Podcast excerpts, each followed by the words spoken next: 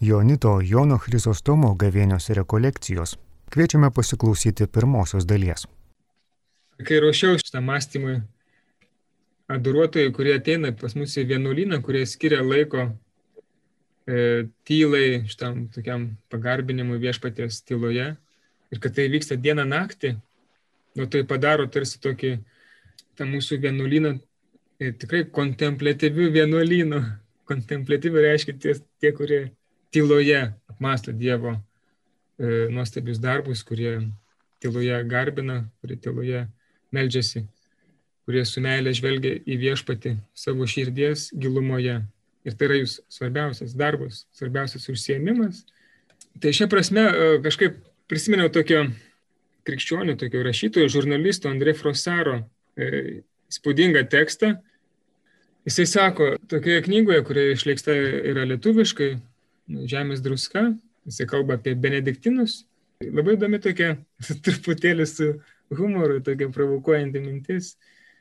Šiandien dėja, jisai rašo, mes visiškai įsitikinę, jog šeštojo amžiaus žmonės klydo Ir nėra nieko sunkesnio, kaip pateisinti pašaukimą kontemplatyviam gyvenimui. Beprasmiška kalbėti, kad tie nejudrus ir uždarai gyvenę vienuoliai iš tikrųjų, kaip rodo istorija, atvertė krikščionybę Europą. Už tai visas mūsų dievo baimingas triusas nekliudo jai sparčiai nustoti tikėjimu. Žmonėms nekelia pasitikėjimo šis statiško paštalavimo stebuklas, ir kontemplatyvaus pobūdžio vienuolyną jie atkakliai laiko paskučiausių dikumo, silpnumo ir egoizmo prieglopščių. Ir užbaigia tokiu lakonišku, tokiu su humoru e, pasakymu, nu, ką padarysi. Kodėl man ta mintis e, įstrigo? Dėl to, kad padrasinčiau jūs jau nuo pat pirmo mūsų tokio pokalbio, apmąstymo, kad tai, ką mes darom, tas tikrai e, esam panašus į tuos dar prieš viduramžius gyvenusius vienuolius, šeš, šešto amžiaus, tai čia yra tas amžius, kada gimė benediktinai, kada Benediktas parašė savo regulą, ordino regulą ir tokiu būdu evangelizavo Europą per savo tos tokius žydinius maldos, meditacijos, e, darbo dvasioje, tokioje e, nušviestoje Dievo šviesos orat labora. Adoruotojai, kaip minėjau, yra panašus truputėlį į kontemplatyvius vienuolius. Tikrai būtų galima pasiginčyti, kas didesni kontemplatyvieji šventojo nubroliai ar adoruotojai. Čia būtų galima tikrai pasverti ir labai įdomiu būdu.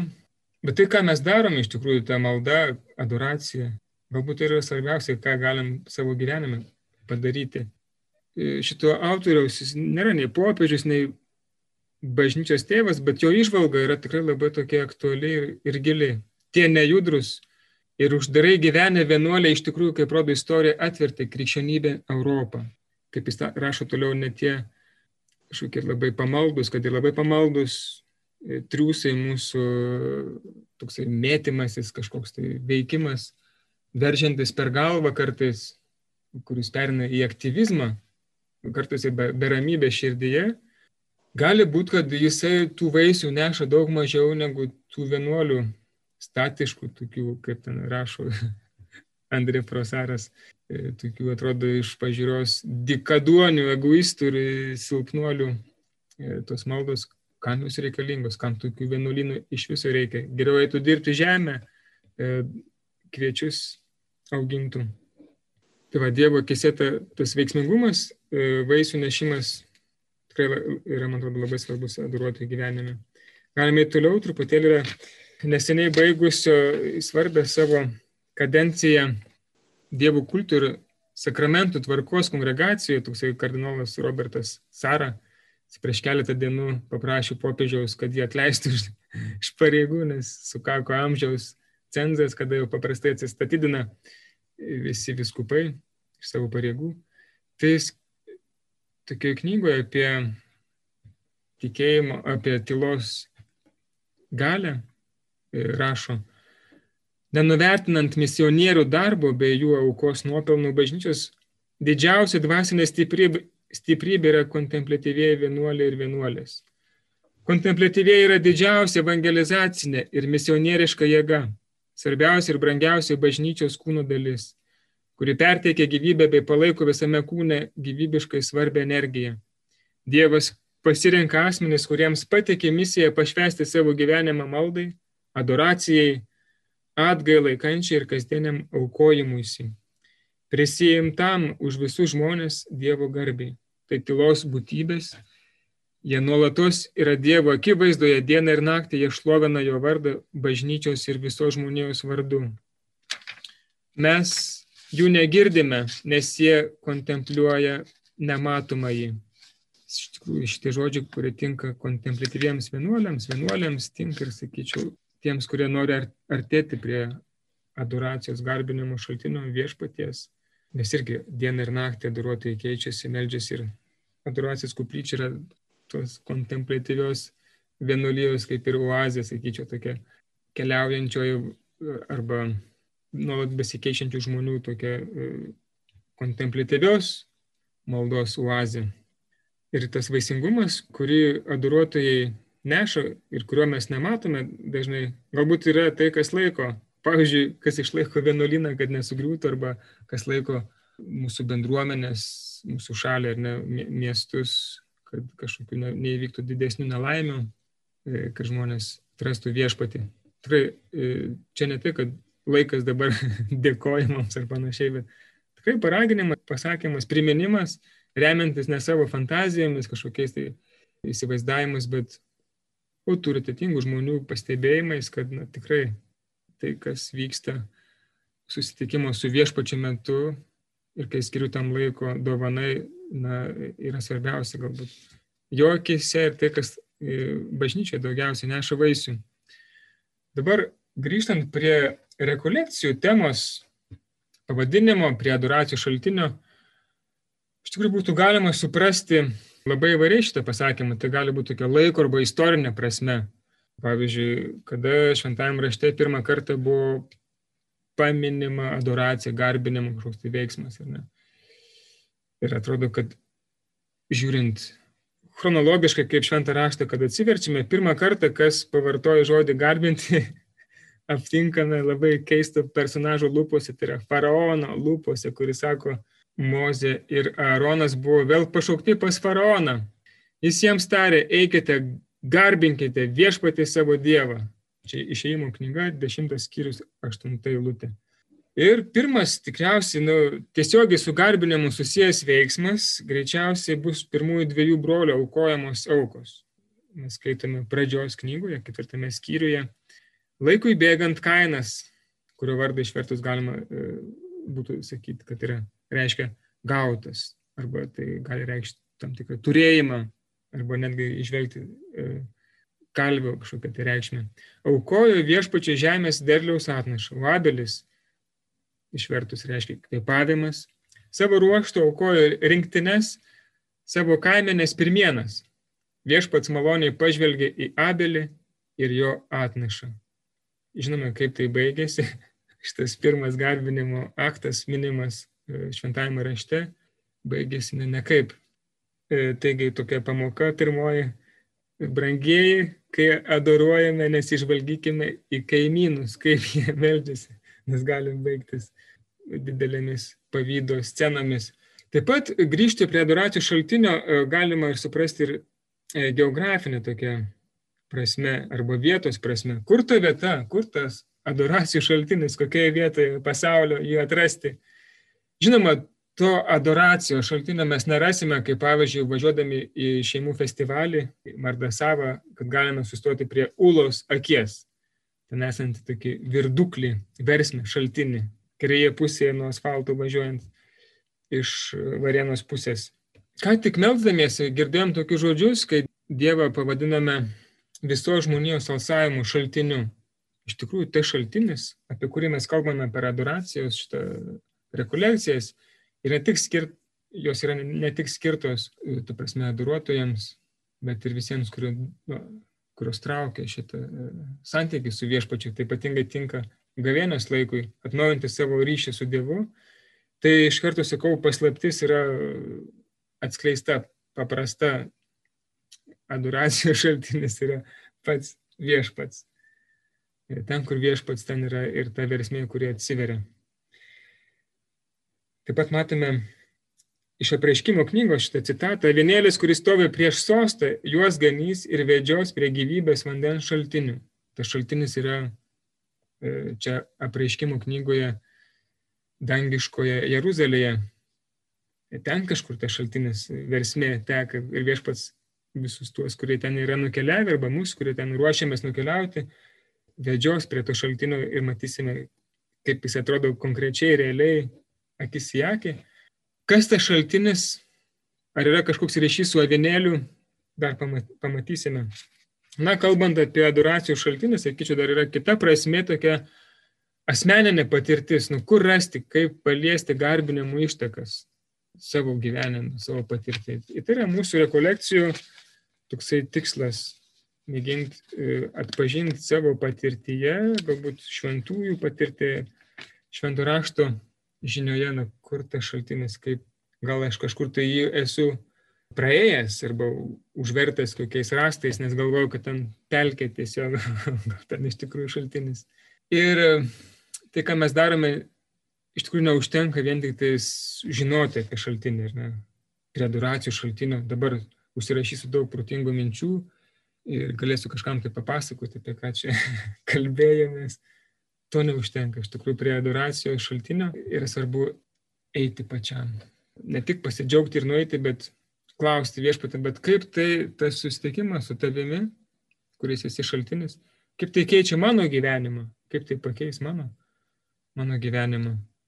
Kalbant apie šaltinį, pavyzdžiui, kai dabar daugmaž taip pažiūrėjom, kur čia kaip kas gali būti, kur tas šaltinis galėtų būti.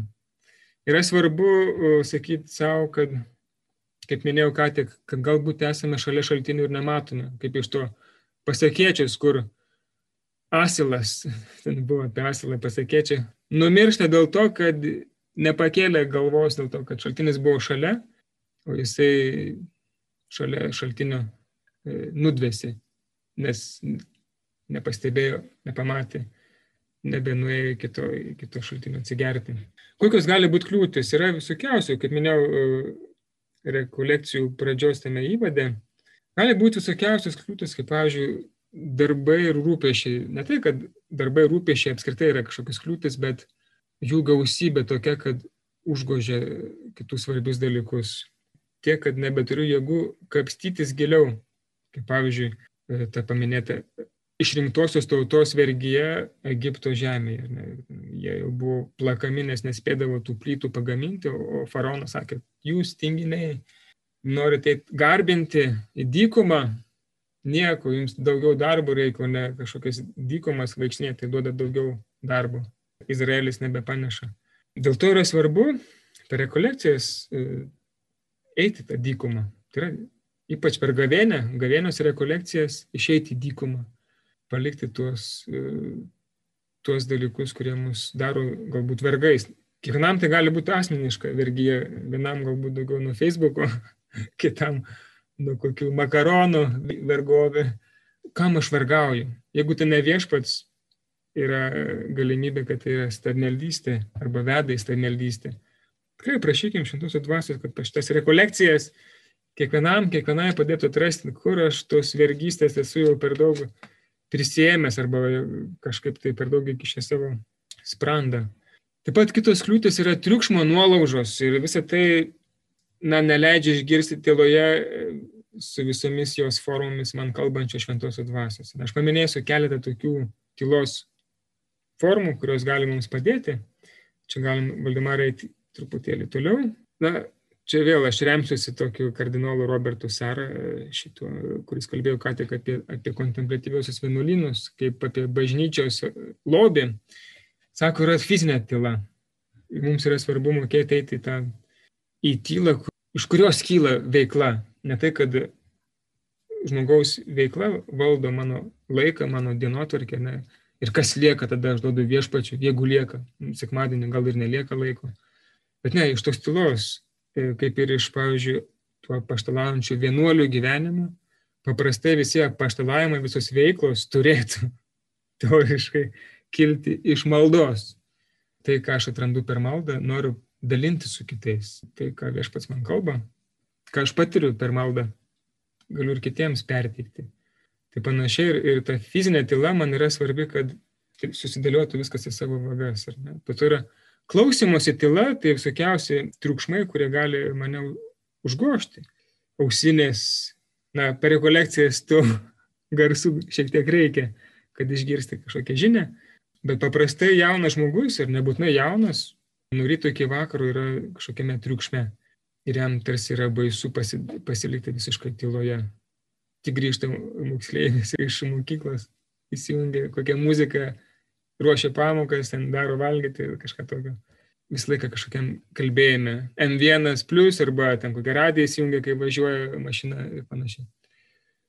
Žvilgsnio vaizdų tyla irgi labai svarbu, kad nepersivalgytumėm, nes per akis įeina dalykai, kurie veikia vaizduoti, o vaizduoti paskui veikia naktį, košmarai, visokios fantazijos, visokie įsivaizdavimai ir, ir galvoje per akis prieina tokių visokių triukšmų, kur tikrai yra baisu netgi ir adoracijos metu mes teko tikrai su ne vienu kalbant pamatyti, kaip kaip tai labai veikia. Nes kai esam tyloje, visi tie žvėriukai, kurie yra mūsų ten pasąmonėje, vaizduotėje, kažkur jausmuose, įsiskaudinimuose, iškyla. Tada adoracijos tyla gali tapti nepakenčiama, nepakeliama, nes ten visi tie e, garsai, visi tie vaizdai staiga pradedu aš juos išgirsti, kad ten yra šurmulynas ir sakau, ne, arba reikia adoraciją uždaryti, kažką kitką veikti, arba man įsijungti kokią nors muziką, kad aš negirdėčiau. Ir tikrai žmonėje dažnai bėga nuo tos tylos, visokios formos tylos, ne, ten gali būti ir atminties tyla, aistrų tyla, kaip čia toliau parašyta, e, kad, kad tik tais nebūtų su savo tai žvėriukais, nes nebemoka tvarkytis ir ten jie visi gazdina, nes yra labai visokių tokių ir pasišiaušusių visokių tų vaizdinių ir visokių ten besikeikiančių ir panašiai, visokių pykčio e, ir daug, daug visokių kitų žvėre, žvėrelių, arba tiesiog kurie mus gundo, e, kaip ir Jėzų dykumoje, su visokiais dešrėgaliais, kumpiais, vagūnais iš Egipto žemės, ten buvo geriau. Žiūrėk, kaip to sunku per gavėnę išbūti savaitę ten pasninkauti, valgyti truputį mažiau maisto, ar ne. Tai va, tos triukšmo nuolaužos mums trukdo iš tikrųjų eiti prie to šaltinio. Ir kaip tas šaltinis yra apvalomas, jeigu toksai pas mus yra e, mūsų širdyje, o jis yra tikrai mūsų širdyje, tas šaltinis. E, kaip Augustinas sako, aš Dieve galvoju, kad tu esi kažkur ten toli, kažkur tai už manęs, bet koks aš buvau kvailas, nes tiek daug laiko praleidau tuščiai, ieškodamas tavęs išorėje, nors tu manęs laukiai mano širdyje. Tai šitą šaltinį, kuris yra mūsų širdėje apvalyti, iš tikrųjų reikia būtent einant į tylą, kad, kad ir kokia būtų spengianti iš pradžių, tokia erzinanti ir panašiai. Žinoma, reikia vėl fantazijos, kūrybos, kad, kad ta tyla nebūtų ausise spengianti, galbūt eiti palaipsniui, pavyzdžiui, iš pradžių pasivaikščioti į gamtą. Gamtoje ritmas yra ne žmogaus ritmas, ta prasme, ne žmogaus to tokio vis greitėjančio kažkokio tai skubėjimo tokiam pasauliu, kur viskas turi kuo greičiau, efektyviau, veiksmingiau suveikti, nes kitaip ten tu prarasi laiko, pinigų, darbo, našumą ir panašiai. Gamtoje, kai lyja lietus, kai ošia medžiai, kai jūra šniokščia, ten nėra skubėjimo. Tai yra ritmas, kuris mus nuramina. Galbūt antrojo, trečiojo pakopoje įeisime į į tylą, kur grinai, pavyzdžiui, kokiam kambaryje, kokia duracijos kaplyčiai, kur tik tais burzgė koks nors tylus kondicionierius, bet paprastai daugiau kitų triukšmų nesigirdi. Kita kliūtis yra svarbi kliūtis. Kartais mūsų rankos nusvyra dar net neišėjus į dykumą, į susitikimą su viešpačiu, su mūsų e, šaltiniu, gyvybės šaltiniu. Ir kam, kam visą tai norim daryti? Tai aš dabar, jeigu kažkas jau galvojat, kad ne čia pataikėt, e, jau viskas jau atsibodo arba jau užtenka. Tai bent vieną mintį, sakyčiau, tokią svarbią mintį, kurią reikėtų pasakyti, išgirsti per tas rekolekcijas, dėl to aš sakau jau pirmą mąstymo eigoje, tokios dvi, sakyčiau, mintis, kad prie šaltinių galima atsigaivinti. Mes taip mėginsim daryti, klausydamėsi šventų raštų, melzdamiesi, priimdami Kristaus kūną ir kraują, kas galės ateiti mišes, eidami sutaikinimo sakramento ir, ne, ir tiesiog valgydami, ilsėdamiesi Dievo akivaizdoje ar vėliau dažniau prie jo grįždami maldos metu? Ir tokiu būdu taptume atsigavę gerosios naujienos nešėjais kitiems, kaip Jonas Paulius II yra pasakęs, ne, kalba apie misionierius, kurie turi būti kontemplatyvūs, reiškia tie, kurie, kaip, kaip minėjau, apie tos apaštalus, pasisėmė vandens, kad galėtų perteikti kitiems, savo šeimos nariams, artimiesiems, vyrui, žmonai, kad tos meilės nepritrūktų tame bendrame, bendruomeniškame gyvenime. Prie to šaltinio traukia tą, kuris yra ištroškęs. Iš tikrųjų, jeigu jūs esate čia šitose rekolekcijose, kažkas ten širdėje, kažkur tai ten tas troškimas yra, noras ne tik, kad daugiau sužinot, bet taip viešpat yra mano širdė tas troškimas ir aš noriu rinktis priemonę, rekolekcijas, kad žengti žingsnį arčiau prie, prie to. Ne? Tai yra mūsų troškimas, kuris iš tikrųjų veda e, prie Dievo. Ir kai prisiliečiu prie jo meilės ir šviesos, iš tikrųjų širdie gimsta tada žavėjimasis, padėka, garbinimas, šlovinimas. Būtent iš susitikimų. Ir ta svarbi mintis, kurią norėjau pasakyti, tokia yra daugiau e, iš jau kontemplatyvių vienuolių gyvenimo, tokio vieno kartuzo pasidalinimas, sako Jėzus, kuris yra šaltinis, nuo kryžiaus šaukia trokštą trokštų, nereiškia būti tau gyvybės vandens srove šaltiniu. Jėzus kiekvienam iš mūsų šaukia, trokštų būti tau gyvybės versme. Ir Faustina, šventoji Faustina, po to mums labiau tą išplėtos su pervertu Jėzaus šonu, iš kurio trykšta gailestingumo srovės. Ne, bet kry, ant kryžiaus mes girdime trokštų. Vienas žodis, čia aš dabar kalbu, ne tas kartūzas, bet aš. Vienas žodis, bet į kurį eina labai daug prasmių, dėl to Jėzus daugiau nepasako, ne, kaip dažnai būna trumpi žodžiai, bet kurie gali turėti kiekvienam mums iš mūsų svarbę kažkokią kitą prasme. Jisai tęsė, sakydamas, šitas kartūzas, tarp kitko jis yra dabar dabartinių kartūzų generalinis prioras Prancūzijoje, sako, o, o iš tikrųjų mes trokštame atsigaivinti šiuo gyvuoju vandeniu. Šie du šauksmai trokštų visam laikui susitiko būtent Jėzui. Garbindami įsitraukime Jėzaus darbą, jam atneždami žmonijos nenumaldomą Dievo troškimą ir neždami žmonėms nenumaldomą Dievo troškimą. Žodžiu, Dievas šaukia, trokštų tave žmogau, trokštų tave atgaivinti, žmogus irgi trokšta. Sako Dieve, aš trokštų tavęs, kad tu mane atgaivintum. Nes be tavęs aš esu tik išdžiūvusi žemė, išdžiūvusi dėkinė kas yra įdomu, kad Kristuje ta horizontali ir vertikali linija susitinka kryžiuje.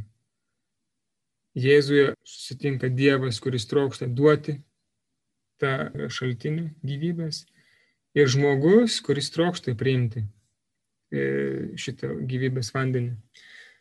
Ir tuo pačiu adoruotojas, jisai eidamas į adoracijos kuplyčią atneša su savimi visos, sakyčiau, žmonijos tą šauksmą, trokšto. Ir, ir tokiu būdu leidžia Jėzui per save, per adoruotoją, na, skleisti tą, tą gyvybę, tą, tas malonės tiems žmonėms, už kuriuos jis meldžiasi. Dabar, štai per likusį laiką, dar jeigu leisit keletą minučių, norėčiau paimti, pakalbėti truputėlį apie Balamą ir jo asilę. Tokia, nu, toks personažas, Valdemarko galima kitą skaidrę E, kuri, apie kurį mes dažnai nekalbame, ne, toks balamas iš šventų rašto, iš skaičių knygos 22 skyriaus.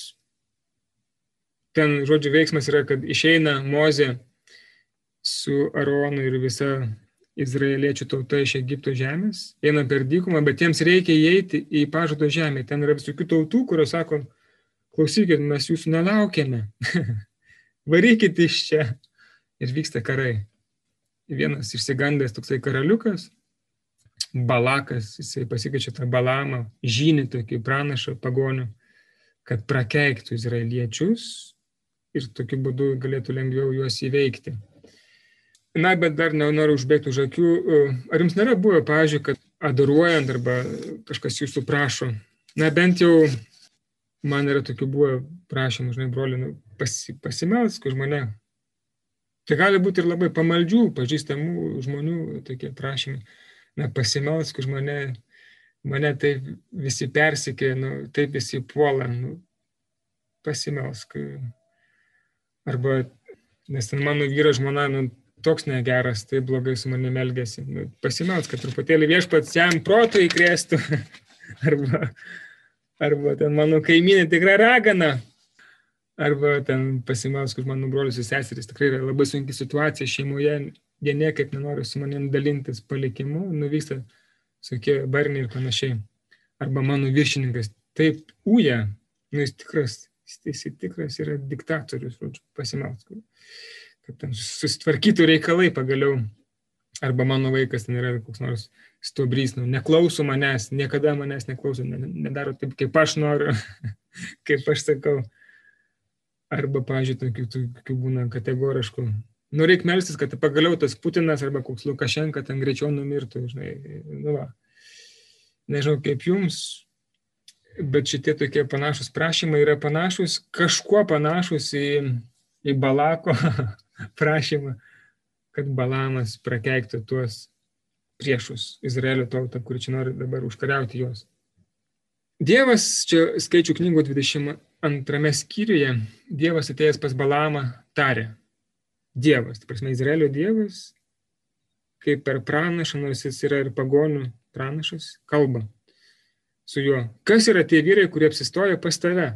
Balamas Dievo atsakė, Moabo karalius Balakas, Ziporo sunus, atsiuntė man tokį žodį, štai iš Egipto atėjo tauta ir apdengė visą žemės veidą.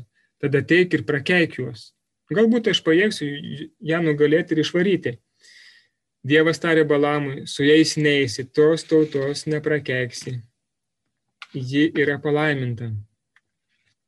E, kas buvo tas Balamas? Tai yra toksai Mesopotamijos, žodžiu, mesopotamiečių pranašas, žinys, kerėtojas, Balamas išvertus iš hebrajų kalbos reiškia ne iš tautos, svetim šalis.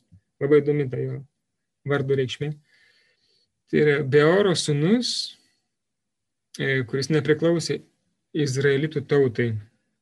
E, Moabo karalius, žodžiu, išsiuntė pasintinius pas Beoro sūnų Balamą į Petorą, kuris yra giminaičių krašte prie Eufratų upės.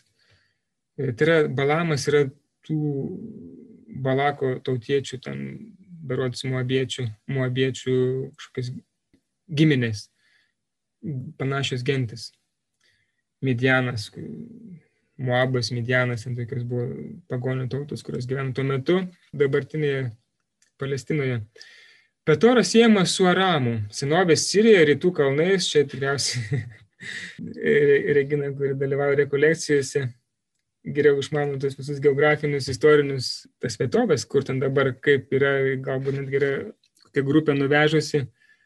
Tai yra rytų kalnynas, žemos kalnų virtinė Sirijos dykumoje, netoli Eufrat upės, Balamo miesto Petoro.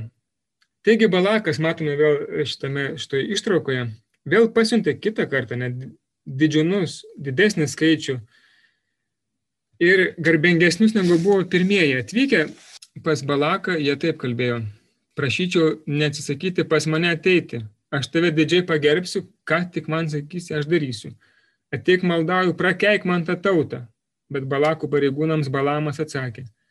Nors Balakas atiduotų man savo sidabrų ir auksų pilnus namus, aš negalėčiau padaryti nieko, mažiau ar daugiau, kas yra priešinga viešpaties mano Dievo įsakymui.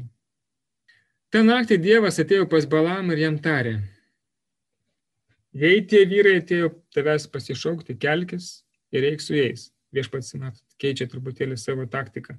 Pradžių sako, niekur neįsi, dabar sako, eik. Bet daryk tik tai, ką aš tau sakysiu daryti. Viešpatės angelas tarė Balamui, eik su tais vyrais, bet kalbėk tik tai, ką aš pasakysiu tau kalbėti.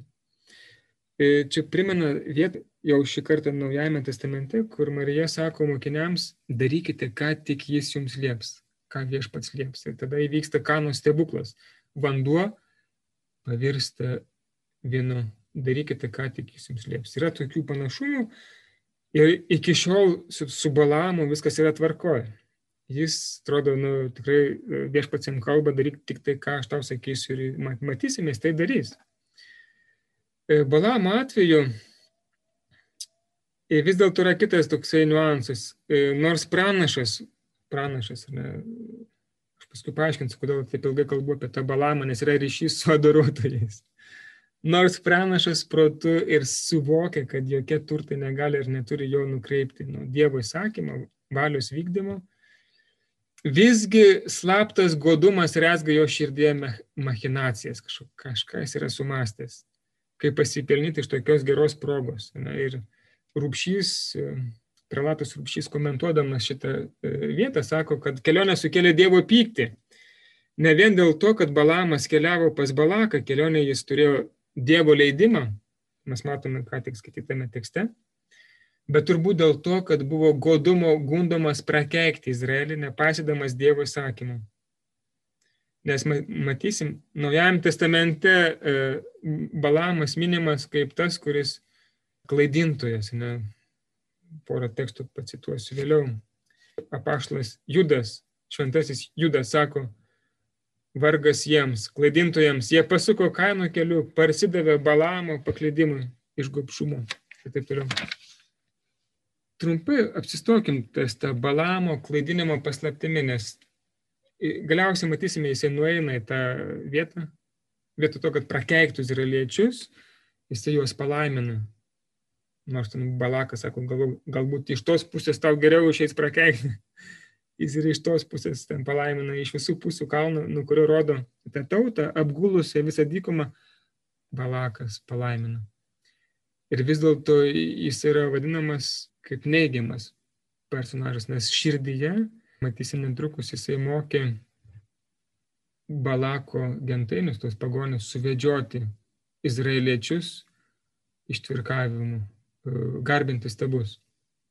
Medieniečiai buvo sudarę su tais muabiečiais sąjungą prieš Izraelį. Ir Balamas, mes matome šventame rašte, yra tokių užuomenų, kad buvo paskatinęs abi pusės - medieniečius ir muabiečius vilioti izraeliečius prie savęs lytinėmis peoro balo apiegomis. Tokios šventosios prostitutas, kurios lytinėmis apiegomis kviečia tų apieigų vyrus, dalyvius e, garbinti tokiu būdu Dievo balo apieigose, žodžiu, susijusiusi su vaisingumo prašymu ir panašiai. Viešpats Mozė tarė, neduok medieniečiams ramybės ir nugalėk juos, nes jie nedavė jums ramybės apgaulė, kai jie apgavo jūs per Peorą ir per Midiano vado dukterį Kozbę. Kozbė šiaip e, verčiama kaip melas, klaidinga. Ir ta Kozbė yra būtent ta, kaip sako savo seserį, ji buvo Fineho užmušta tą dieną, kai dėl Peoro jūs ištiko maras. Finegas tai yra vieno kunigo sunus, kuris pagautas įniršio, žodžiu, bėga į to izraeliečio aukšto pareigūno, ten sunaus palapinę, į kurią jis įsiveda šitą midianietę, kozbę ir juos persmeigia su tuoktuviu e, apiegų kažkokiu momentu. Ir tokiu būdu Maras e, Dievo siūstas ant tos stovyklos izraeliečio atsitraukia. Mes matome taip pat kai, kurios, kai kurių menininkų ne, apokalipsės apreiškimo paveiksluose išreikšta. Tikrai tai yra, tai nėra kažkokia romantinė pasakėlė vaikams. Tikiuosi, kad tarp mūsų visi yra pilnamečiai, tai ką aš sakau, čia ne vieno nepašiurpins. O jeigu ir pašiurpins, tai aš, aš tikiuosi, kad švento dvasia kažkaip sugebės perkeisti tai palaiminimą. Taigi, tai nereiškia, kad nuo šiol visiems aplinkiniams per adoraciją turėsiu melstį mirties, kad visus viešpats nudoptų. Ne. ne apie tai buvo rekolekcijos, ne apie tai mąstymas. E, nebent jeigu tai priimu kaip Teresėlės atveju, kai mamai meldė mirties, o kai mama išsigandusi paklausė vaikelį, kaip tu taip, dėl ko taip darai, Sako, mama, bet tu sakai, kad, kad išvysti Dievą reikia numirti, dėl to aš tau noriu mirties, kad, kad tu greičiau Dievą iš, išvystum. Girdėjote Jonito tėvo Jono Chrizostomo gavėnios rekolekcijų pirmąją dalį.